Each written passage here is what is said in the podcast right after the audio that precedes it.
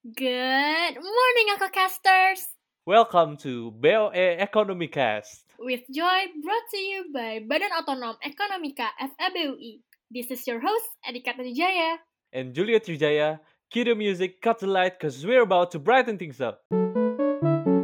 Eh Jul, lu udah baru KT belum? Udah dong, gue bayarnya pakai BNI Mobile Banking.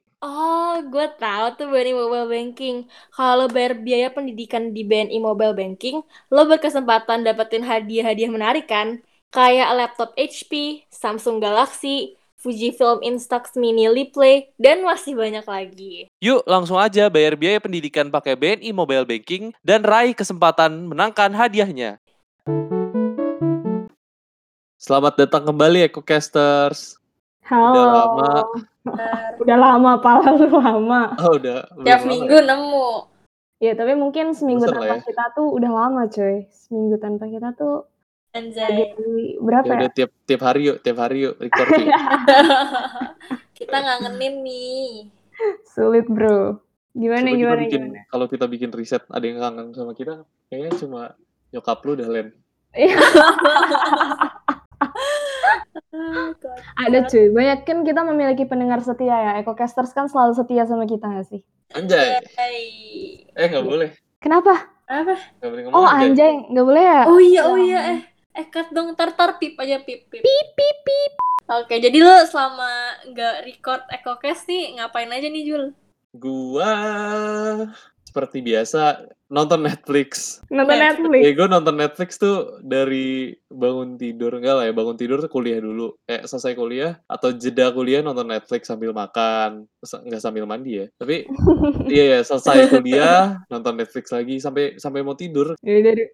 Terus kayak mau tidur nggak bisa tidur nonton Netflix lagi. Buset, addicted banget ya lo kayak setiap kali ada waktu kosong buka Netflix. Iya Sama karena gue tahu kalau- lagi mau buka apaan. Iya, sama seperti gue kalau lagi ada waktu kosong, pasti refleks gitu hap, tangan gue pasti langsung ngambil HP gue, terus buka TikTok. Terus gue nge-scroll, joget, nge-scroll joget. tuh FYP, terus gue gak nyadar ternyata udah 3 jam berlalu. Terus kayak Anjir. gue takut. Nggak kerasa kan, Rick? Nggak kerasa Nggak kan? kerasa, anjir. Kalau Netflix lu masih sadar waktu gitu karena nonton film. Hmm, per jam gitu kan. Mm-mm. Yang nggak kerasa tuh kalau nonton series, cuy. Ah, Oh, Oh, iya, next anjir. aja. eh, Kamu- Tiba-tiba udah episode 6. Eh, Tiba-tiba udah subuh lagi. Anjir. eh, Tiba-tiba lagi sholat. Ya apa anjir Julius sholat. Ya Allah. Tapi beneran sih Sosmed-sosmed platform sekarang tuh banyak yang adiktif banget gitu. Kalau lu addicted-nya tuh Anchor ya? Anchor. Tiap hari gue cekin Ya Allah. Listenersnya Makanya ada berapa ya? hmm, EcoCasters makanya ini ya di-share ke teman-temannya biar tiap kali gue buka Anchor tuh ada kabar baik gitu loh Ya kan jadi kan kalau tadi Julio addictednya sama Netflix, kalau Erika sama TikTok. Sebenarnya kalau gue sama kayak Twitter gitu, gue selalu suka baca-baca tweet orang gitu dan gue suka nge-tweet. Dan ini sebuah fenomena yang gue lihat tuh bukan cuma gue gitu loh yang mengalami. Orang tuh kayak kakak gue, terus teman-teman gue sebelum kuliah online ini gue ngeliat tuh kalau mereka udah megang HP, lepasnya tuh agak sulit. ya. Mm-mm. kayak nempel gitu tuh HP. Bahkan emak gue aja yang boomer juga kayak gitu. Emak gue tuh lagi demen banget nih sama HP influencer. Terus dia tuh kalau lagi bosan gitu, terus dia kayak tiba-tiba, eh hari ini belum nonton story-nya dia gitu. Kayak, Anjir, banget, Anjir, kecanduan influencer bro. Gils. bahkan bukan bukan cuma orang tua ya sekarang tuh yang yang menurut gue ya agak-agak memprihatinkan sedikit banyak lah ya itu yang kecanduan megang HP tuh anak kecil cuy nah Hmm, iya. bener. Kita waktu kecil kecanduannya apa coba? Kecanduan ulur tangga. gue dulu kecanduan baca Al-Quran Anjir. Gue kitab deh, gue gak mau kalah. Gue juga kecanduan sholat. Gue kalau sholat gak bisa berhenti cuy. Minimal 9 rakaat. minimal lo sholat apaan anjir Boleh dong. Traweh, eh, tra oh iya, iya. Traweh ya, traweh. Traweh yang 11 rakaat gitu kan. Oh iya. Gue tiap tiap sholat gue traweh. Rick, nyokap lu ini gak Rick? Nyuruh lu jadi influencer gak? Nyokap gue tuh sangat mengencourage gue main TikTok. Karena kayak, ayo ntar terkenal, ntar terkenal di TikTok. Ini tuh ada ilusi, illusion of fame gitu gak sih di sosmed ini? Mhm. Gue gue nemu meme nih. Mhm. Sekarang tuh semua sosmed ada selebnya, selebgram, seleb TikTok, seleb Mm-mm. Tweet. Twitter, seleb tweet, terus bentar lagi ada seleb WA, cuy. Seleb line. WA. Kan WA instant messaging ya, bukan sosmed ya? Oh iya. Kan tetap bisa upload story gitu. Oh nyokap iya gue, benar. nyokap gue aja kemarin bangga banget. Eh, Dok, yang lihat story WA Momi udah 59. Nah, tuh, emaknya Milen seleb WA. Seleb Seleb WA. Ini yang sebenarnya gue penasaran tuh kenapa sih emangnya si sosial media ini sangat adiktif gitu loh. Kenapa sampai orang tuh bisa menghabiskan berjam-jam di sosmed. Kadang-kadang tanpa sadar gitu. Kayak lo udah tiga jam aja megang HP. Coba kita tanya ke Erika yang belajar terus. Hmm, Kenapa tuh, Rik? Jadi gini, gue tuh ngeliat ngebaca sebuah research ya. Research dari luar negeri, gue lupa univ mana. Jadi dia bilang kalau social media itu sekarang udah kayak little dopamine in your pocket. Jadi dengan Hmm. lo membuka social media, dengan lo nge-scroll nge-scroll through your page, itu lo mendapatkan mengeluarkan otak lo mengeluarkan hormon dopamin, hormon kebahagiaan. Makanya kita jadi addicted banget. Kalau lagi sedih, lagi down, tinggal buka HP seneng lagi. Iya bener banget, makanya jadi banget nih kayak lo ke mana-mana lo pasti mau bahagia kan Makanya Mhm. lo ke mana-mana tuh buka sosial media buat nyari kebahagiaan itu Jadi kecanduan sosial media tuh udah kayak kecanduan narkoba cuy Tapi kenapa ya generasi-generasi yang malah punya box of dopamine tersebut, yang punya gadget-gadget di pocketnya yang dibawa ke mana-mana, kenapa di antara mereka kebanyakan malah banyak yang depresi gitu. Ada satu riset yang nunjukin sebuah grafik yang ngelihat tahun-tahun dimulai sosmed itu kan sekitar tahun 2011 ya. Jadi di Iya. grafiknya itu ketika de- tahun 2011 itu tingkat depresi remaja langsung naik banget dan tingkatnya tertingginya itu di sekarang gitu, di tahun 2020 dan dia selalu naik ke atas gitu loh. Nih, yang yang pernah gue pelajari ya. Jadi itu kalau kita udah masuk sosmed, udah masuk society, apalagi sosmed, ada sesuatu yang namanya social comparison. Kita pasti akan membandingkan realitas kita dengan ideal yang kita lihat di sosmed itu. Padahal kayak yang kita bahas di episode kemarin, kemar- kemarin-kemarin, Episode 11. episode 11 tuh yang lu semua banyak mau itu, bahwa yang di sosial media tuh pasti udah polished gitu kan. Mhm. Dan kalau berhubungan sama yang Erika bilang tadi soal dopamin, seingat gue ya di pelajaran IPA gue dulu waktu SMA, jadi tuh kebanyakan dopamin itu bisa merusak salah satu bagian otak kita namanya hipotalamus. Mhm. Hmm. Padahal hipotalamus ini kerjanya itu fungsinya itu untuk mengatur emosi dan mood kita gitu. Oh, Oh, justru malah kebanyakan dopamin orang-orang sekarang malah terlalu Kebanyakan bahagia, terlalu terlalu bahagia. bahagia jadi otaknya Jadi rusak, jadi jadi stres semua karena terlalu remaja-remaja ini jadi moody semua Mm-mm, trennya tuh jadi orang-orang tuh sangat amat overconfident dan ketika mereka masuk ke sosmed itu yang gue suka nih teori ini nih eh, bukan teori ya kayak sebuah konsep gitu bahwa sosial media itu mereduksi kita menjadi pencarian validasi kita itu menjadi sebatas like, thumbs up, heart, komen gitu-gitu kan. Mhm. Padahal kalau sebelum sosmed, gue bukannya kayak menjelek-jelekan sosmed, kayak gue juga suka sosmed. Tapi kita harus menyadari betul ini bahwa sebelum sosmed, pencarian validasi kita tuh lebih berarti lah, lebih substansial daripada cuma sekedar hati warna merah itu. Dulu tuh lebih kayak lu banyak temen, lu kalau orang kalau lu bercanda temen lu kalau lu bercanda temen lu ketawa gitu kan. Iya Iya, iya, iya, ya. itu, itu, itu. Kan Terus kalau- bahkan lu berusaha untuk mencari penghargaan-penghargaan gitu untuk Mm-mm. validasi tersebut. betul. Sekarang tidak, tinggal ngepost selfie badai langsung. Selfie badai. Banget. Like, like, like, like, like, like. gitu. Atau kayak Erika ngepost foto bersama beruang kutub. Anjir, kapan? Lu katanya buka Instagram mulu, Jul, sampai sejam. Sejam lu itu nggak ada yang lihat Instagram Erika ya? Tapi Enggak. itu Instagram rajut gue, bukan Instagramin gue. Oh iya iya iya iya lupa lupa. lupa. Jadi jadi ini, jadi gue tuh sering banget buka Instagram. Instagram kan ada analyticsnya kan. Jadi kalau lu buka Instagram, lu Iya. buka di kalau lu buka Instagram, lu bisa lihat berapa lama lu pakai Instagram rata-ratanya dalam per hari. Gue itu Iya. di atas satu jam. Gue kira gue bakal cuma 20 menit, 15 menit. Karena gue ngerasa gue cuma bentar gitu buka Instagram. Gue ngerasa gue nggak nggak addicted sama Instagram. Tapi pas gue buka di atas satu jam, setelah gue sadar itu kan, setelah gue sadar kalau gue tiap hari buka di atas satu jam, gue sering akhirnya mulai sadar gitu. Jadi kayak gue sering tiba-tiba otak gue hilang, ih otak gue hilang, pikiran gue hilang, Hilang. pikiran gue hilang, terus tiba-tiba kayak klik, eh kok gue lagi buka Instagram, kok gue lagi liatin story Iya. orang, tapi gue nggak sadar sama, sama sekali kalau gue ngebuka app-nya IG, gue lagi ngeklik post orang atau sebagainya tuh gue nggak sadar gitu, tiba-tiba gue lagi buka Instagram aja. Lo kayak sleepwalking tapi untuk Iya, bersosmed iya. gitu kan? Wow, seram juga bro. Serem anjir dan sebenarnya gini ya, kalau untuk kita remaja itu memang dampaknya kan bahaya. Gue gue menyadari betul itu bahaya. Tapi yang lebih bahaya lagi itu yang gue sangat amat concern itu ketika gadget ini diberikan ke anak kecil bukan cuma sosmed ya. Gadget ini diberikan ke anak kecil gitu. Kita yang udah dewasa aja ini tuh memiliki resiko untuk ketergantungan gitu loh. Hmm. Apalagi mereka. Yang gue pernah baca tuh gini, ada orang namanya Jean Piaget. Jadi kata, uh, si Jean Piaget ini um, merumuskan per perkembangan kognitif anak gitu.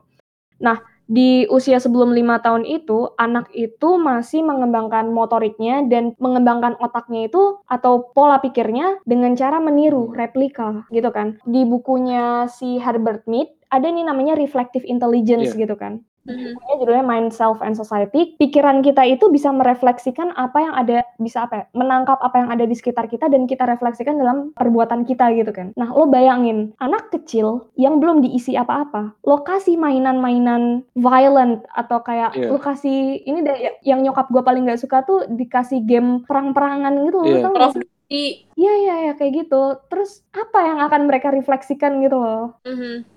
Setuju dan social media ini dan gadget untuk anak untuk anak kecil tuh uh, shifts the way of parenting juga. Jadi Hmm. dulu tuh kalau anaknya nangis digendong, di show affection biar anaknya berhenti nangis, diciumin, di ba gitu, ciluk Iya. ba. Sekarang anaknya nangis tinggal kasih game, tinggal ngasih YouTube, suruh baby shark uh, Iya. yang bikin dia ketawa. Eh gue gak setuju sama Milen, tapi gue setuju sama Erika. Gue kayak Kenapa nggak? Berarti gue gak setuju Milen. sama nyokapnya Milen ya berarti ya? Karena dari zaman dari zaman dulu ya, kayaknya banyak banget game perang-perangan gitu loh. Mulai dari Hmm. zaman PS 1 dan 2 yang ya berarti kan itu generasi kita gitu kan. Gen jam PS 1 dan Iya. 2 tuh generasi Z banget. Tapi bahkan dari sebelum itu kayak board games juga banyak sebenarnya kayak game yang perang-perangan atau menggambarkan perang-perangan gitu kan. Makanya gue Hmm. kurang setuju kalau misalnya kayak orang dikasih game tertentu gimana. Tapi gue setuju banget sama Erika yang di mana kayak banyak banget orang tua sekarang yang pengen instan aja buat nge- ngasuh anaknya tuh secara instan gitu. Kayak ngomongin anaknya kayak anaknya lagi nangis. Ya, ya kalau dulu kan kayak ya kenapa deh iya kan yang kayak di cup cup cup dia nangis dia Mhm. nangis atau enggak mungkin diomelin. Kayak dulu gue yakin pasti generasi kita sering banget diomelin. Kalau kita nangis malah diomelin kan. Karena kita kayak ngerengek untuk sesuatu biar kita nggak ngerengek. Tapi sekarang tuh kalau anak kecil ngerengek dan berisik tuh orang tuanya malah kayak nih nih nih nih nih nih main game main game. Nonton YouTube nonton YouTube. Malah Iya, iya, dikasih bener sesuatu yang instan gitu males aja gitu buat ngedidik anaknya jadinya Iya, iya, gue juga ngeliatnya kayak gitu. Kayak orang tua sekarang tuh udah gak mau punya anak gitu Nggak loh, mau kayak punya anak. mager. Nggak mau mendidik anak kali ya. Anak. Iya sih.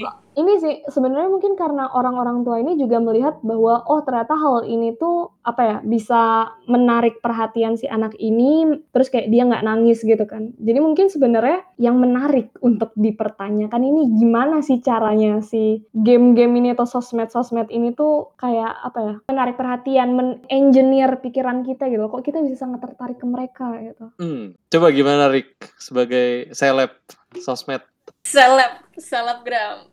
Nah, ini sesuai banget gak sih sama yang kita tonton? Iya, kemarin Anjay. kita mau bikin outline malah nonton guys.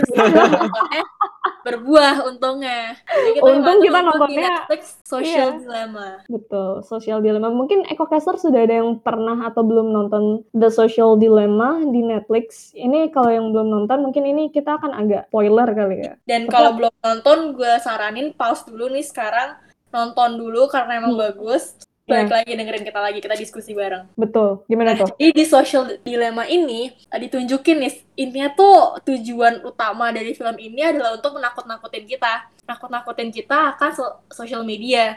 Nah di sini tuh digambarin nih bagaimana kita tuh sebenarnya butuh sama social media. Social media tuh help kita connect with the whole world dan ya lu bayangin aja sekarang Iya, hidup betul. tanpa social media karena tapi dikatakan dilema karena sebenarnya tuh social media insight membahayakan untuk kita. Nah paling gue suka nih di social dilemma ini digambarin bagaimana tujuan dari AI AI yang menggenerate social media ini. Gue nggak tahu ngerti gimana cara kerjanya cuman kayak AI AI yang bekerja di dalam untuk mem- memperoleh dan mengolah data social media kita Mhm. itu mereka tuh berusaha mencari apa yang bisa bikin kita engage di dalam social media itu lama. Jadi kayak misalnya gue buka TikTok, Hmm. gue buka FYP, gue bisa menghabiskan waktu 3 jam karena AI AI itu tuh pintar. Mereka tahu apa yang bisa membuat apa video yang bisa membuat gue tahan tuh di TikTok sampai gue Iya. scroll scroll terus. Nih, Kayak lu suka apa gitu jelek ya kan. TikTok jelek. Iya.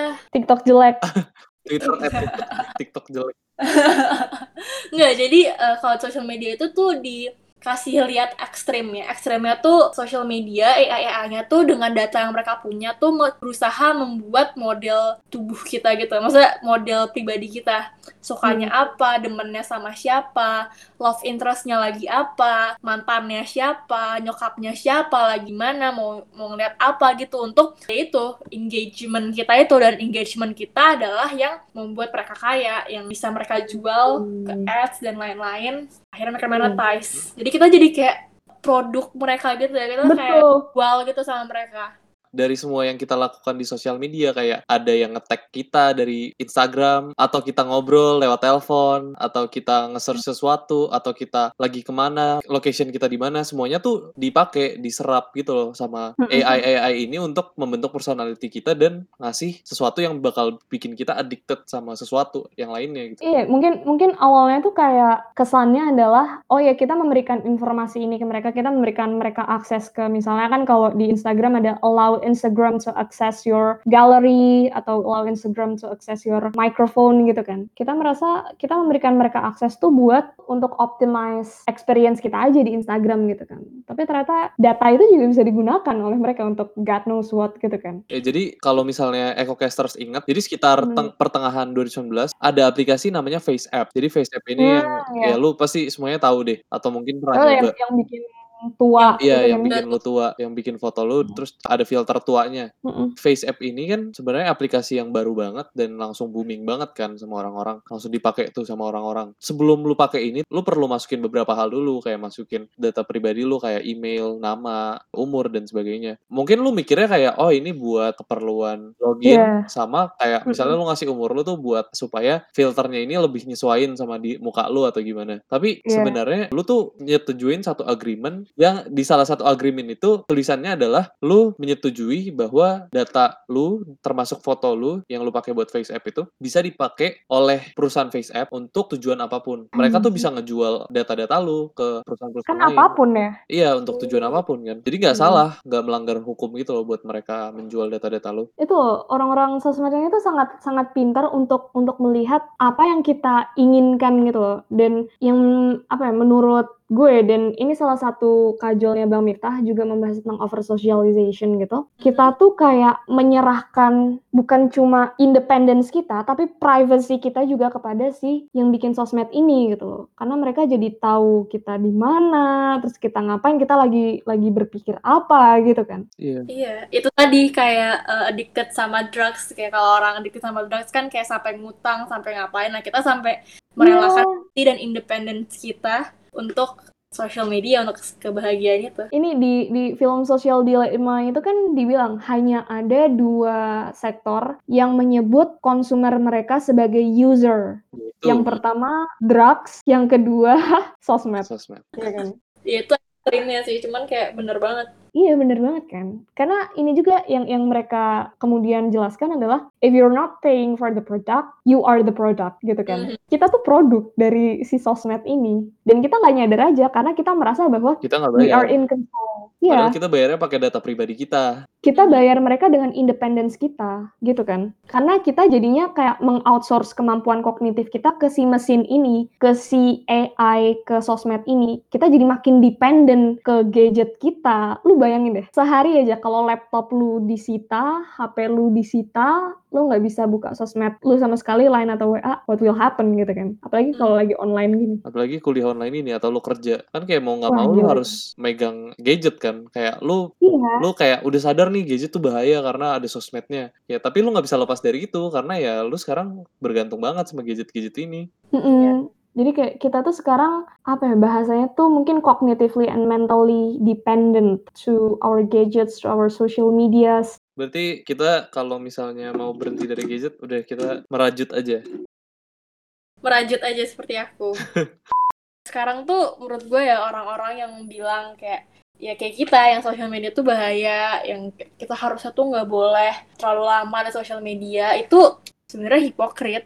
Ya lu nggak bakal bisa lepas dari sosial media se seberusaha apa pun. Kayak lu pasti akan ada informasi yang lo lewatkan. Kayak bukan FOMO mungkin lo nggak takut mungkin lo nggak nggak merasa FOMO. Cuman ya lo pasti akan literally missing out kalau lo nggak ada social media Iya, yeah, mungkin fear fear of missing out-nya ini bukan cuma missing out atas hal-hal sosial gitu, tapi juga untuk hal-hal yang penting. Itu kan bener-bener fear yang sangat besar gitu kan. Kan kita kan memang membutuhkan si sosmed ini ya, kita membutuhkan gadget-gadget ini. Tapi in the end of the day, emangnya jadi se apa sih seposesif apa kita harusnya seteritorial apa kita dengan independence kita gitu loh. To what extent kita mau menyerahkan independence kita kepada platform-platform ini gitu. Nah ini yang dibahas di itu nggak sih DKP-nya Adela dan Rama?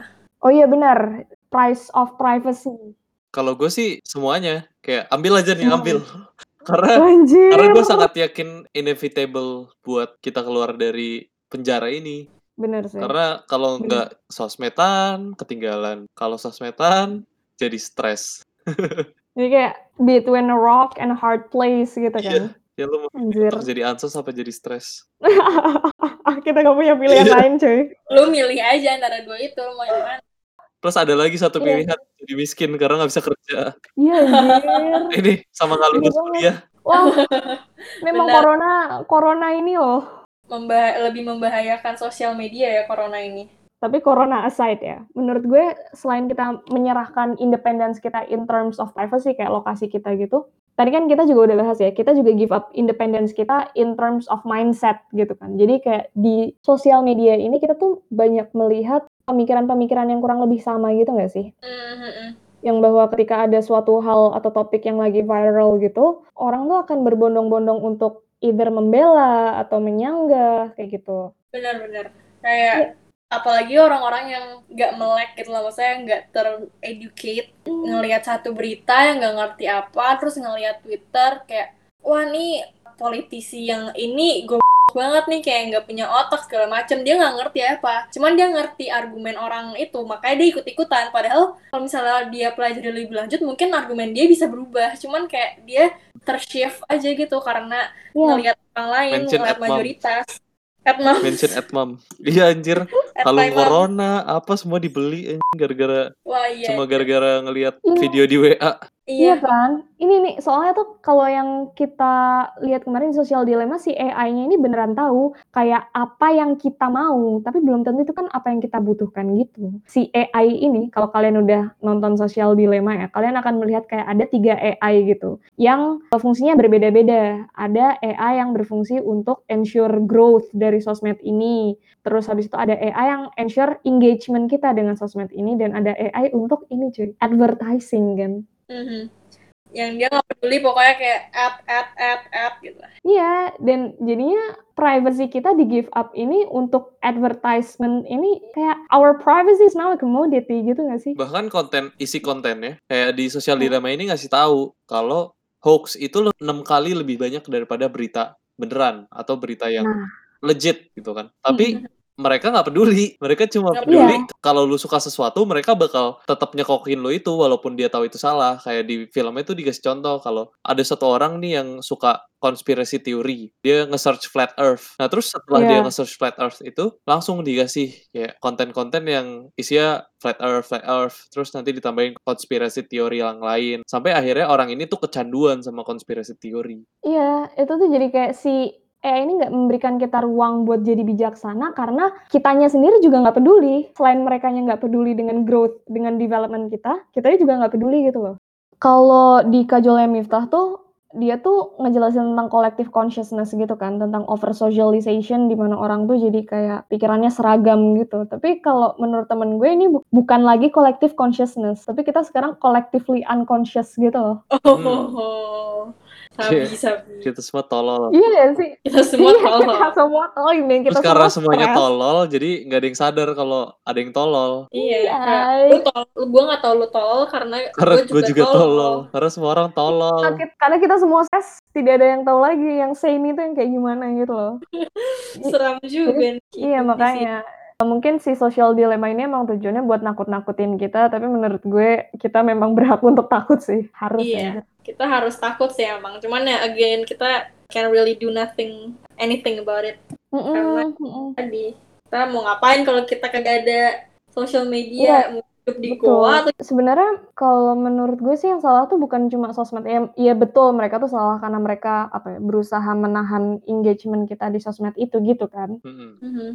Tapi kitanya tuh juga harus tahu how to deal with it gitu loh. Si social dilemma ini tuh menjelaskan bahwa social media itu menggunakan psychological engineering gitu loh buat menahan kita di sana. Dan menurut gue memang to the collective unconscious susah untuk lepas dari psychological engineering itu gitu. Tapi kita harus jadi conscious gitu loh. Sebenarnya kan kita manusia society kita tuh menciptakan social media dan gadget-gadget ini tuh mereka tuh a form of progress gitu kan. Kita sudah menjadi sebuah civilization yang civilized gitu loh. Kita udah bisa menciptakan hal-hal kompleks ini. Tapi kenapa progress ini tuh malah jadi kayak regress gitu? Unconscious dan kita itu kayak koma, a walking body in a vegetative state gitu loh. Kita terima-terima aja kita diapain. Kayak kayak yang diomongin Foucault ya. Kita makin berkembang, Foucault. tapi sebenarnya kita makin regressing. Mhm. Iya anjir. Karena kayak kita ngerasa How- kita how- makin civilized, tapi sebenarnya enggak bagus. Iya, iya, iya. Itu kan ada mungkin ada sebuah illusion itu kan bahwa kita menyerahkan independence kita, menyerahkan privacy kita untuk progressing gitu, tapi ternyata karena kita nggak ngeset limitation, kita unconscious, ya jadi regress gitu. Jadi intinya ecocasters kita semua harus conscious karena emang nggak ada alternatifnya nggak sih sekarang gadget-gadget dan Iya. sosmed-sosmed ini. Ya, Nggak ada. progresnya terlalu rapid to keep up juga. Mm-mm. Uh-uh. Uh, teknologi dan segala macam tuh maju lebih dulu daripada Otak Kita. kita. iya kayak mereka tuh udah nyampe finish line dah dari kayak kapan gitu kalau lagi maraton Ya, udah udah gelap tapi kita masih jalan terus kayak kecapean gitu untuk up terseok-seok. seok-seok kaki berdarah Kita ini lagi nyari Gojek, lagi pesen Gojek. menyerah Mager. Atau kan lagi makan bubur. ya kita nggak boleh Eh, tahu. gitu guys kita banget lu, itu itu daily routine lu kali itu. Tidak. makan bubur ini Makanya tiap hari kayak, kok gue gak kurusan ya? Tiap hari gue udah jogging padahal. Iya, tengah-tengah makan bubur, sih saya pesan Gojek. Lu kebanyakan buka IG anjir, soalnya habis lu olahraga terus lu makan sambil buka IG kan gak kerasa. Iya, iya. Jadi makannya banyak. Mm-mm. Ya, Ya, itulah. anyway. Terus, Heeh, jadi kayak mentality kita, psikis kita itu juga bergantung cara kita how we adapt and how we adopt our technology, how we adapt and how we adopt our society, social media gitu kan. Makanya kita semua harus sadar. Gimana caranya buat sadar? Iya. Gimana caranya dengerin sadar? ekonomi Betul. Dan yang kedua jangan lupa nonton Social Dilemma biar lu semua takut anjir. Sumpah gue gak takut sama sekali tapi. Oh, karena gue udah tahu soalnya ya. kan, soalnya iya dan ini kayak Jul, lu takut soalnya lu- ngapain Iya, lo tuh udah termasuk ini yang kolektif unconscious ini Julio. Lo sudah tidak peduli. lu sudah tolol Iya, gue sadar. Gue udah tahu dari lama tentang hal itu. Tapi Tentang lo yang gak di aja. gambarin di sos- sosial dilema. Makanya gue biasa aja nonton sosial dilema. Gue udah tahu endingnya kayak apa. Mhm. Tapi gue sama sekali gak takut Iya, karena kayak gue tahu gak akan ada yang bisa gue lakuin. Iya, emang nggak perlu takut sih sebenarnya. Emang ya kita perlu sadar aja. Takut nggak perlu.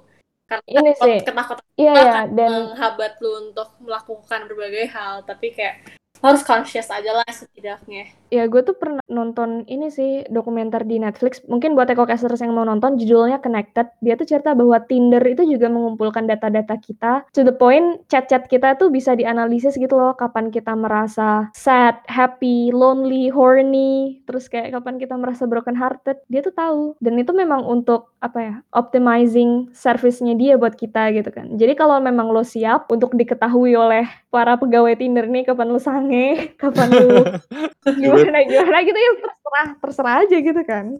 Serem Just- juga. Makanya just be responsible over your own consequences gitu lah. Ya, thank you EcoCaster sudah dengerin episode ini. Jangan jadi tolol ya guys kayak kita. Kita harus menjadi manusia pintar setelah Mendengarkan EcoCast. podcast episode ini. Kita harus Betul. keluar menjadi manusia yang baru yang lebih tidak tolol. Betul. Terima kasih juga kepada yang memperkenalkan gue ke konsep kolektif unconscious ini adalah Brian Senopati. Oh, Ya. itu ya apa anak SPA, anak SPA. Mm-mm, anak SPA yang Anti. tidak suka bersosialisasi itu katanya. Emang paling edgy deh. Untuk kakak caster, saya masih mau ngobrol-ngobrol sama kita yang masih mau ngomongin tentang social media ini lebih lanjut. Boleh banget tuh email ke kita. Ke mana tuh? boe.economicast at gmail.com Atau ke Twitter atau ke Instagram. BOE juga boleh. At BO Ekonomika. Sosial media nggak usah dipakai buat aneh-aneh, buat ke EcoCast aja. Boleh banget tuh. Jangan ragu dengan kami karena Sebatas kata-kata bukan, Bukan budaya kami. See you on the next at the next episode. Bye-bye. Bye bye.